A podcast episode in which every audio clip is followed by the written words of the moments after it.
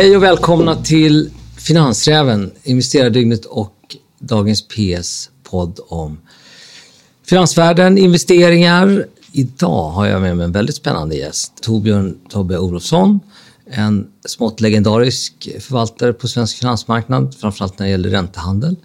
Och du var många år som förvaltare och kanske ansvarig förvaltare på fonden Nektar när den fanns. En gång i tiden en av världens bästa ränte... förvaltare, men jag var där länge. var en av världens bästa ränte och makrohedgefonder länge. Ja. Så berätta gärna lite om hur du lyckades där. ja, jag var där i vad blev det, nästan 15 år, så det var en ganska lång period. När jag började där så var hedgefonderi, om man säger så, som eh, företeelse var rätt, rätt nytt i Sverige. Så att, eh, jag tror att vi var fond num- nummer två, hedgefond nummer två. Zenit var, Brummer Zenit var nummer ett. Det var lite trial and error, man fick lära sig. Vi visste ju inte själva riktigt tror jag faktiskt, hur man skulle göra från början. Och när jag började så har jag för mig att det var i storleksordningen 700 miljoner i förvaltat kapital. Och när jag slutade så var det mer än 30 miljarder. Så att det var en ganska stor förändring under den här perioden. För att sen blev ju hedgefonder etablerat. Eh, framförallt inom den institutionella världen men, men också eh, hos eh, småsparare och andra. Då. Så det hände rätt mycket under den här perioden. kanske finns någon som funderar på din trovärdighet. Vad, vad hade du för track record? där? Man kan räkna på lite olika sätt. Men ungefär någonstans mellan 18-19 procent före avgifter. Under hur många år? Eh, det blev 13 år. Ja, det är en fantastisk prestation. Nu jobbar du inte lika mycket med aktiv förvaltning. Vad, vad var det som ändrade din, eh, ditt dagliga värv? Jag slutade på Nektar och Brummer eh, 2015 var det väl. Av flera orsaker. Dels känner jag mig rätt klar faktiskt med det som jag hade hållit på med. Det var en period efter finanskrisen som vi hade. Det gick extremt bra för oss faktiskt. Och jag, jag kände lite grann att jag var inte alls lika glad när det gick bra då som... Jag känner no, någonstans kanske man är klar med det här. Sen var det lite andra eh, personliga saker som eh, spelade in också. Men det var en, i alla fall delvis en förklaring till varför jag känner nej men det, det känns rätt bra att, att, att sluta nu. Så du klarade att navigera i den finanskrisen och har gjort det under ett antal andra finanskriser. Och då tror jag, alla fall jag undrar över, hur, hur ser du på det vi går igenom nu? Nu sitter jag mer som, eh, jag är inte aktiv risktagare i den här marknaden.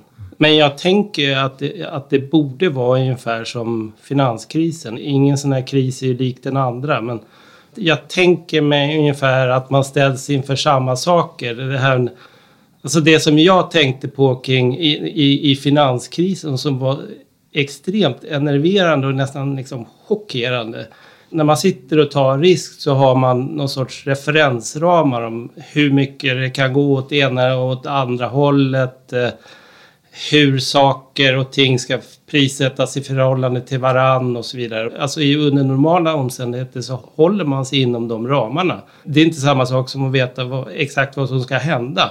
Man har ungefär koll på om det här händer, då vet jag ungefär vilka möjliga utfall ungefär som kan hända. Det som var under den där, under finanskrisen var ju det här att liksom alla referensramar bara sprack totalt. Då hamnar man i ett läge där man, liksom, man har rätt svårt att navigera där. Därför att har man inte de där referensramarna så vet man inte heller riktigt hur man ska, vad man ska göra, hur man ska reagera.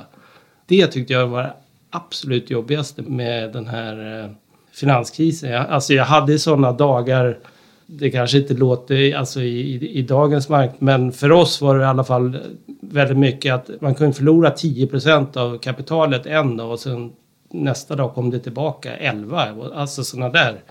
Som vi hade ju relativt låg risk ändå jämfört med aktiemarknaden.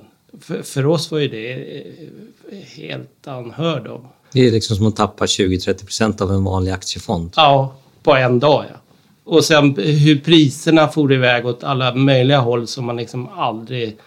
Man, man kunde aldrig tänka sig det ens eh, innan.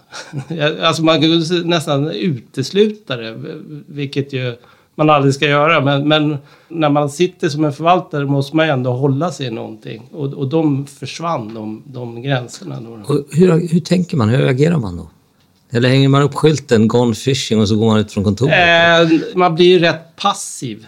Det finns ju några instinkter att bara liksom stäng ner allting. Ta mig härifrån. Mm. Under finanskrisen så, så även om man tänkte att man skulle göra det så gick inte det. Liksom, det var stängt mer eller mindre. Det, det, det, var nästan inte en option. Utan det blev mer eller mindre att sitta på händerna faktiskt. Och sen bara bli chockerad över allt vad som hände.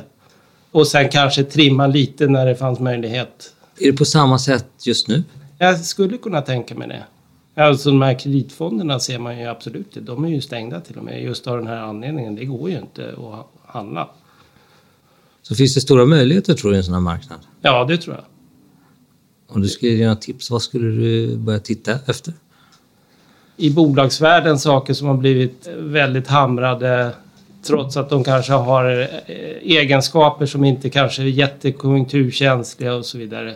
Den typen av bolag som har just råkat ut för det här att eh, man drar alla över en kam. Så är det ju i räntemarknaden också ofta i sådana här krisförlopp så går ju korrelationen till ett. Alltså under... Det är också en rätt kul anekdot. Vi hade någon, I Nekta så fanns det sådana här eh, olika kredittranscher som man har den översta trans, tranchen är den som är mest riskfylld och så finns det olika. Så i botten finns det den som är absolut säkrast. Men under krisen då gick ju korrelationen till ett så att alla de där föll lika mycket i pris oberoende av var de fanns i den här strukturen. Och det är typiskt sådana här saker som, som kan hända under, under kriser. Mm. Eh, det blir så nattsvart egentligen som marknaden säger. Det blir så nattsvart som liksom allting är värt noll ungefär. Så var det ju bokstavligen just i det där fallet. att Det var liksom den praktiska tolkningen av att, att priserna betedde sig på det där viset. Men är det inte så att eh, de flesta investerare, det känns som att de är helt binära? Antingen tar de risk eller också tar de inte risk. Jo, så kan det vara. Jag tror i och för sig de, de flesta gör ingenting faktiskt. När det, när det blir så här. Det är min erfarenhet. Vilka tecken i skyn skulle du titta på när det är läge att gå in eller gå ut eller beroende på vad man har för position nu? När det liksom kan börja svänga ordentligt? Jag skulle tänka på vad har man för uthållighet? Eget sunt förnuft, men framförallt göra en analys av vad har man för de facto uthållighet. Det visar sig också till exempel under den här perioden eh, i, när det gäller våran hedgefond. Vi hade ju möjlighet att förlora rätt mycket pengar utan att vi liksom enligt eh, statuterna hade gjort något fel eller någonting. Men de facto restriktioner som en fond har till exempel. De är annorlunda än de som de har skrivit ut i, i, i början. Det som händer är att eh, börjar man förlora pengar så börjar bankerna dra åt eh, alla liner, skruva upp margins, kunderna börjar ta ut pengar. Så att de facto har du andra restriktioner än de som du tänker dig kanske själv att du har. Jag tror man ska kanske fundera vilka restriktioner har man? När man har gjort den analysen, då tycker jag att man kan vara ödmjuk. Man förstår att man kommer antagligen inte pricka topp eller botten, men om, om någonting ser väldigt attraktivt ut och jag har faktiskt möjlighet att hålla i det här, då tycker jag man ska göra det. Gäller både räntor och aktier idag? Ja, det tror jag. Det, det är nog ingen skillnad egentligen. Vad tycker du om centralbankernas agerande i det här? De, de fullständigt vräker ut pengar. Jag tycker att det är ganska förväntat faktiskt. Mm. Med tanke på vad, vad de har gjort de senaste mm. tio åren. Jag tycker nog att det är ganska bra ändå i det, i, i det här läget som vi befinner oss i nu. Det, det måste jag säga. Vad får det för effekter på längre sikt att man liksom man går inte bara in på korta ändan, köper korta räntepapper, man köper långa statspapper, man köper bostadsobligationer, man köper företagsobligationer. Bank of Japan börjar köpa aktier. Vad händer liksom med marknadens funktionssätt sett över tiden när centralbanker gör så här? Jag tänker nog på det faktiskt som det, det blir ett större inslag av staten. Ja. Som jag tror hela den här krisen kommer att bli. Alltså finanspolitiken spelar ju en helt annan roll i den, här, i den här krisen än vad den gjorde i, i bankkrisen. Det är ju också någonstans statlig, att staten får en större del av ekonomin.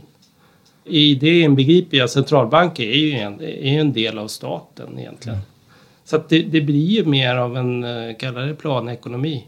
Det är ingen värdering, det tror jag faktiskt är, det är väl objektivt så. Om centralbanken går in och, och tar över stora delar av eh, kreditförsörjningen så, så får man väl säga att, det, det, är en, det, att staten har ökat sin roll, punkt.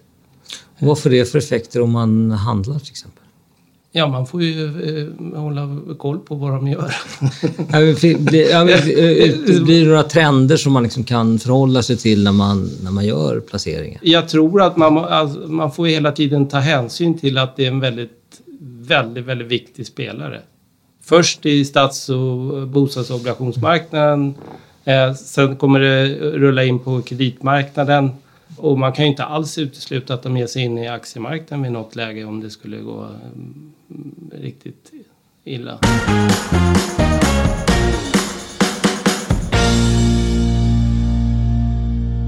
Blir det svårare att handla räntepapper, obligationer och annat när vi har så aktiva centralbanker? Eh, ja, jag tycker nog det faktiskt. Eller det är svårare att ha någon edge i alla fall. Därför att du har den där elefanten i rummet som bestämmer väldigt mycket av vad, vad, vad saker och ting ska handla. På ett plan blir någon sorts artificiell prissättning. Det blir något som är givet av centralbanken. Och även om du tycker att den där eh, prissättningen är felaktig så kan du inte göra någonting åt det. Blir det så att man slår ut själva riskbegreppet ur ekonomin på ett annat sätt än vad, än vad som det har varit tidigare? Det blir i alla fall en migrering av risk från marknaden till staten på, på något plan. Det, det blir det ju. Alltså de, det är ju syftet med övningen. Så att... Men dödar man inte egentligen vissa marknader i praktiken? Det kan man ju säga att eh, delvis har man ju redan upplevt det tycker jag kanske i, i statsobligationsmarknaderna i, i Europa. Ja, egentligen sedan finanskrisen. Eller framförallt under de sista fyra fem åren. Det har ju varit mer eller mindre döda marknader. Det är klart, rullar man ut eh, det till att omfatta fler tillgångsklasser så är väl risken att, att det kan hända där också. Vad pysslar du med idag? Nu sedan ungefär två år tillbaka så driver jag ett bolag som heter Kvartil. Vi har ett antal fonder men, men eh, de största är eh, som man kan beskriva som kapitalförvaltning i i fondformat. Så att vi sätter ihop en portfölj vi investerar sen bara i ETFer. Och sen underhåller vi den där portföljen. Rebalanseringar, återinvesteringar, valutarisk och så vidare. Väljer ut alla de här ETFerna. Så att det, det, det, det, eh, det är en kapitalförvaltning i fond. Och är det aktie-ETF och ränte-ETF då? Ja, det beroende på. Vi har tre olika riskvarianter på det där, men, men beroende på vilken risknivå man har då så, så mixar vi ihop dem där. Så, sen har vi också faktiskt i eh, december så lanserar vi en eh, investmentbolagsfond som eh, är någonting helt annat än de här allokeringsfonderna. Men, men det kan vi beskriva som en indexfond för investmentbolag. Men vi har en liten, en liten twist på det där att vi handlar det som kallas för investmentbolagsrabatten fram och tillbaka. Som vi använder maskininlärning och eh, statistik för att handla den där rabatten. Leta efter felprissättningar i rabatten då? Eller? Ja, precis. Det låter som du går mer mot aktier och lämnat räntor lite mer? Eller? Det blir det. Men det är väldigt så här kvantitativ approach och det tycker jag, det har jag med mig. Allt det här som vi gör är, är algoritmstyrt då. Det har jag med mig från räntevärlden egentligen mm. kan man säga. Men vi tillämpar det på andra tillgångar nu då. Det där är lite grann intressant fråga. Hur mycket när du investerar eller investerade, hur mycket styrde själva magkänslan och hur mycket var det själva hjärnan och logiken som styrde? Alltså i idealvärlden så har man ju någon sorts tema som man handlar på. Det som är kring det temat, vill jag tro är, är, är rätt mycket hjärna. Alltså man, man har någon idé om någonting och sen är det rätt mycket jobb med liksom att leta rätt på liksom, nu har jag den här idén, vad ska jag ta för exempel? Eh, Sverige ska gå med i EMU. Ponera att det skulle vara sant. Vad kan jag bäst få liksom högst avkastning på det här? Det är inte kanske det som man tänker på först. Det kanske inte är inom den tillgångsklassen än som man är, är bra på. Det kanske är någonting helt annat. Och den, den där processen är, är ju ganska mycket någon sorts analytisk process. Men sen när man, när man går längs vägen och har det här temat i bakgrunden, då tror jag det är rätt mycket mage. Att man liksom, man har det där som någon sorts eh, fyr i fjärran. Mm. Men då kan man liksom, eh, ja men det här ser bra ut och det där ser dåligt ut och så vidare. På vägen. Mm. Då tror jag det är mycket mer mage än, än hjärna i, i de besluten. Och hur förhåller sig det till exempel till robothandel? Det är ju någon sorts regelbaserat. Man måste ju bestämma innan mm. någonstans. Eh, det här är reglerna för det här. Mm. Det är ju någon sorts tematik i det kanske också. Att man bestämmer sig. Den enklaste saken är att säga vi håller alltid x procent av det här och y procent av det och så vidare. Det är ju den enklaste, eller en indexfond är ju en, en eh, den här typen av handel egentligen, regelstyrd handel. Det är ju, jag bestämmer mig för att skugga ett index. Det är min regel. Tematisk eh, investering eh, som vi gjorde på Nektar till exempel, den är ju rätt skild från det här mer hårdkodade robothandeln. Vad har du en uppfattning om robothandeln? Har den försvårat marknadens handel? Eh, jag, jag, vet, eh, jag vet inte, jag är väl lite kluven. Eh, på ett plan så tror jag de ändå ger massa likviditet till marknaden. På ett annat plan om de, om de liksom är parasiter på marknaden i, i, i den meningen att, de, att det är fingerade priser och så som det var, tror jag. Jag vet inte hur det var förut, men de hade, de hade liksom snabbare uppkopplingar till börserna och så vidare. Det kan jag tycka är extremt tveksamt mm. faktiskt. Det, i, I min värld är det liksom det, i den nya världen är det någon sorts insiderhandel. Att, att om, man, om man har snabbare tillgång till, till börsen så då har du en annan information än de andra. Eh, det, det, det, känns ju det är en legitimiserad stöld egentligen. Ja, det, det är faktiskt väldigt tveksamt. Mm. Men samtidigt tycker jag det är rätt kul med hela området med algoritmhandel och big data och så som Alltså man, man, kan göra väldigt mycket bra saker genom att bara använda modern teknik. Det är ju kul att bara vara med om tycker jag. Så det är någon liten kluvenhet inför det där. Om det missbrukas så, så är det inte bra. Om vi ska försöka oss på och ta i det som jag tror de flesta funderar på titta lite på corona. Vad, vad förväntar du dig i tidsförloppen? Ja, nu ska man ju vara lite försiktig. Ja, du, du, du är person. Amatör, amatörexpert. Men, men, men mitt intryck, det som jag läser, det tycker jag är att för mig verkar det som det tar längre tid än vad man trodde från början. De flesta liksom plausibla scenarier tycker jag talar för att det, det blir ett långt förlopp i väntan på eh, vaccin någonstans. Och, så du ser något år framför dig? Ja, precis. Fram och tillbaka liksom. Men eh, att det är ett, ett, år, ett och ett halvt kanske med en onormal vardag för, för medborgarna i, i världen. Och i den meningen så kommer det antagligen vara onormal ekonomi. Om man då landar i själva ekonomin, vad, vad, kan man tänka sig att, eh, hur ser, liksom, hur ser ekonomin ut när vi har kommit ut på andra ändan? Jag är nog eh, rätt positiv ändå för eh, när vi kommer ut där på, på andra sidan. Jag, jag tänker att eh, i grunden någonstans så eh, om man tänker på liksom vad är, vad är levnadsstandard och vad är bruttonationalprodukt och allting. Det, I grunden är det liksom vad kan vi? vi förlorar ju inga kunskaper eh, under den här perioden. Och sen kan man då eh, tänka sig liksom, vad har det varit för friktionskostnader under perioden? Och jag tror finansiella systemet kommer att skyddas rätt bra faktiskt. Du tror inte att det brakar ihop? Jag tror faktiskt inte det. Eh, nej, jag tror inte det. Och, och jag tror... Eh, Spänningarna finans... inom Europa, kan EMU få det jobbigt? Eller? Det kan ju faktiskt vara någonting som kan koka upp.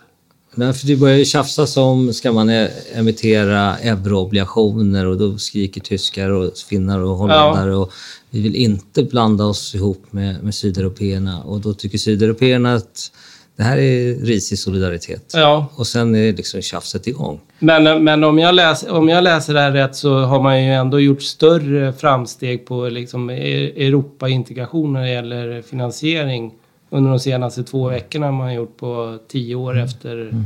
finanskrisen. Så det skulle ju tala för att det, att det ändå håller? Ja, precis. Om det är tillräckligt vet man ju inte då. då. Men, men det verkar ju som tyskarna verkar lägga sig li, lite grann. Därför att de har liksom, de har inget val tror jag. Eller de har inget, det är nästan ner på liksom moralnivån. Mm. Att de tvingas nu att kompromissa på ett sätt som de inte har gjort under, under perioden efter finanskrisen. Vad kommer vi se för arbetslöshet och BNP-siffror tror du när det kommer ut på det här? BNP-tappen nu kommer ju vara större än depressionen tror jag. Alltså kvartalsvisa här i, i början jag tror att de kommer vara enorma alltså. Det går ju knappt att konsumera även om man vill. Nej. Man sitter ju hemma. ja, precis. Det är svårt. Ja, ja. faktiskt. Den går ju liksom ner med då 20 procent lätt och så är det 10...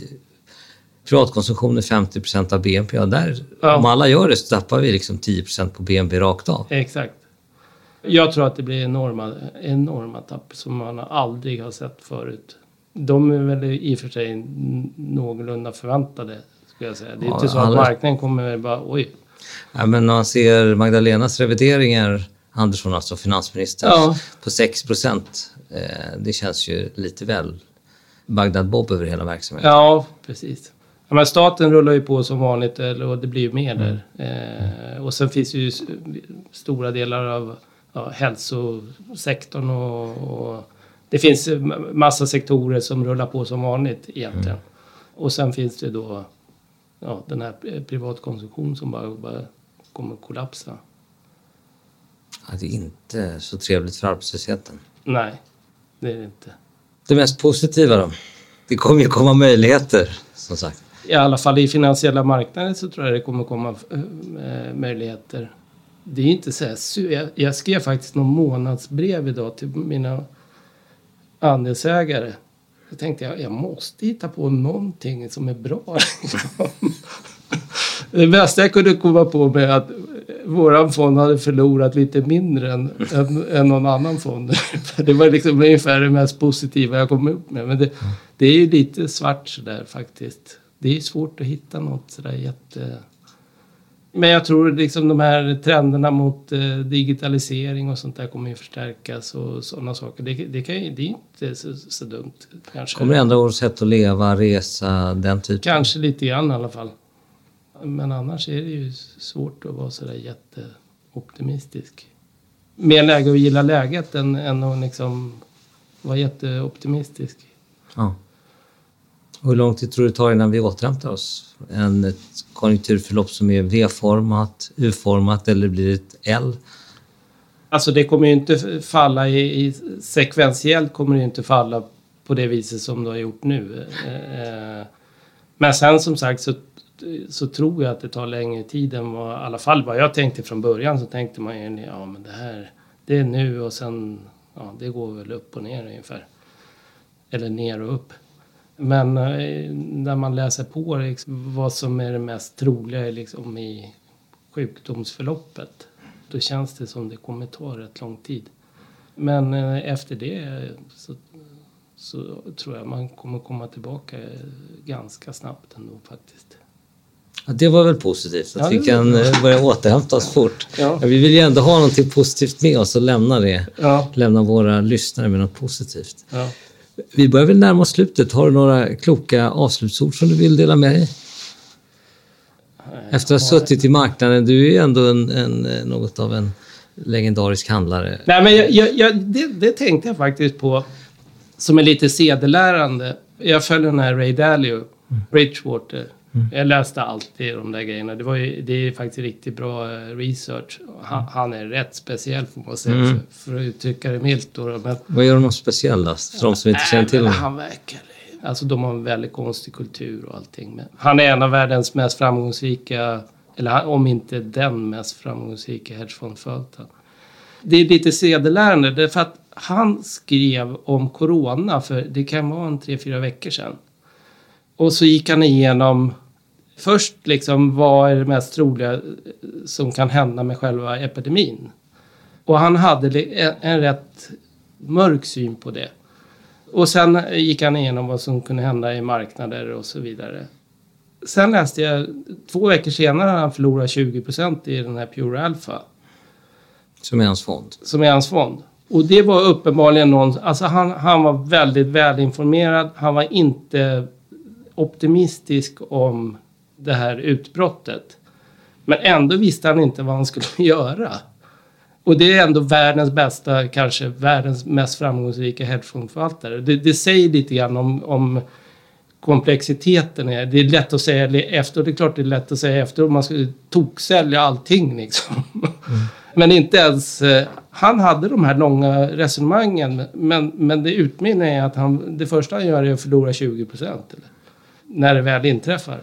Och det, det tycker jag kanske man, man ska ha med sig. Och slutsatsen av det där på något sätt, det är kanske att man, om man är en vanlig privatsparare, även är faktiskt en institutionell eh, spelare, man, man, kanske inte ska liksom ta så, så hårda bett på det här utan man, man, kanske ska ha den portfölj man har haft.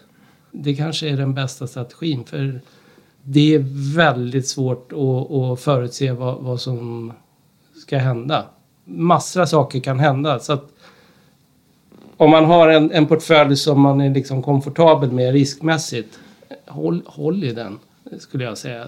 Det är inget dumt råd faktiskt. Det, det, låter ju också som ett av visdomsorden. Känner ni er förvirrade så är ni inte ensamma. Nej. För en av världens bästa är också extremt förvirrad uppenbarligen. Uppenbarligen. Tack snälla Tobbe för att du fyllde vår dag med dina kloka ord och eh, hoppas vi får se det här igen. Ja, tackar. Tackar, tack för att jag fick eh, komma hit. Tack.